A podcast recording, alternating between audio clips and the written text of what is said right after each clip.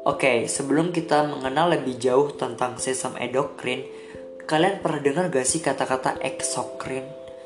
Terus bedanya sama endokrin apa ya? Nah, jadi sebelum kita mengenal endokrin lebih jauh, kita bedain dulu yuk apa itu endokrin, apa itu eksokrin. First of all, kita harus tahu dulu nih definisi dari kelenjar sendiri itu apa.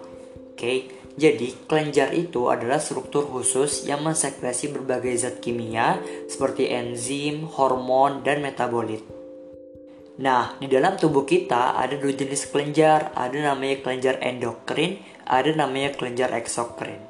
Nah, keduanya ini sama-sama kelenjar, sama-sama menghasilkan sekret. Lalu bedanya di mana?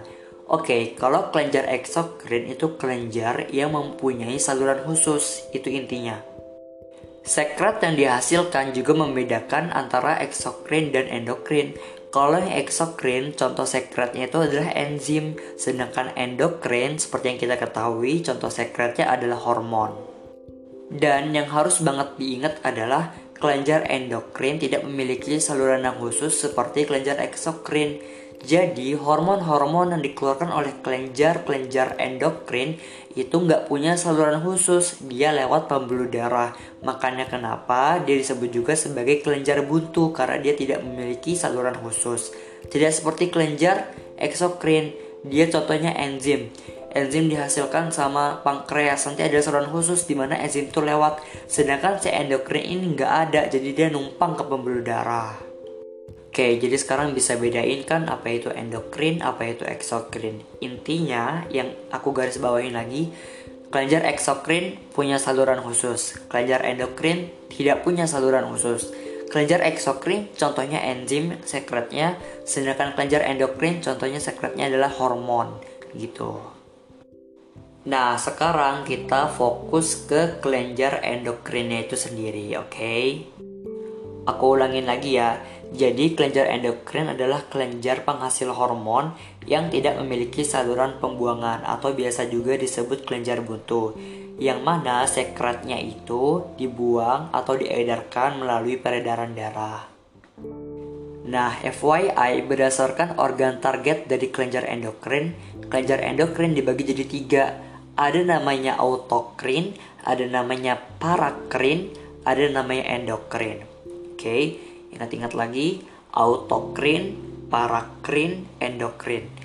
Yang pertama, autokrin. Autokrin itu organ target kelenjar adalah kelenjar itu sendiri. Maksudnya, jadi ada kelenjar endokrin. Dia ngeluarin hormon buat dia sendiri gitu. Itu namanya autokrin. Contoh dari autokrin ini adalah lambung. Jadi lambung dia ngeluarin hormon hormon lambung untuk lambung itu sendiri gitu. Beda lagi sama parakrin. Parakrin itu organ target kelenjarnya berada dekat dengan kelenjar tersebut. Contohnya kelenjar adrenal. Yang ketiga, endokrin itu organ target kelenjar jauh dari kelenjar tersebut. Contohnya adalah kelenjar kelamin.